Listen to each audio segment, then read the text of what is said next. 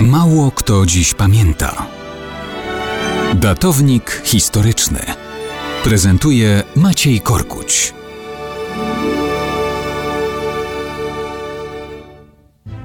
Mało kto dziś pamięta, że II wojna światowa toczyła się także w Iraku.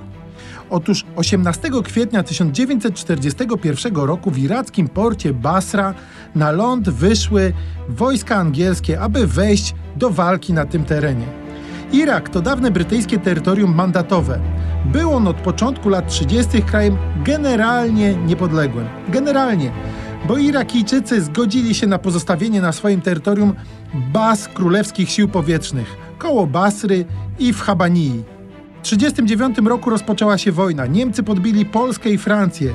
Przegrali bitwę o Anglię, ale wiosną 1941 roku Brytyjczycy wciąż drżeli na myśl, że Niemcy rozpoczną ofensywę lądową na Wyspy Brytyjskie. Te kłopoty Anglików próbował wykorzystać współzałożyciel irackiego Bractwa Muzułmańskiego, który życzliwie zerkał w stronę stolic państw osi przede wszystkim w stronę Berlina i Rzymu, które właśnie zdobywały Bałkany i odnosiły sukcesy w północnej Afryce.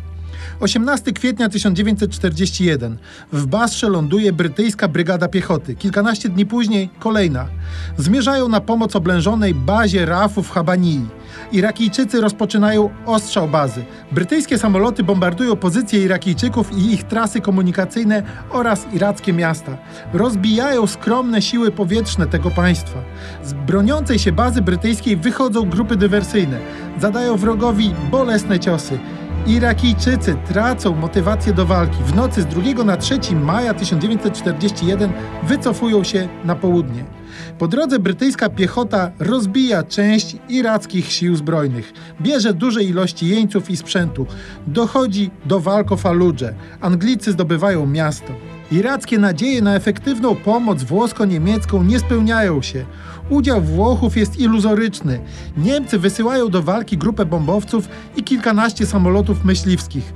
Wszystkie walczą pod znakami Iraku, ale wiele nie zwojowali. Brytyjczycy w powietrzu i na lotniskach rozbijają większość samolotów i idą na Bagdad. Tam następuje przewrót polityczny. Nowy, już probrytyjski rząd podpisuje rozejm.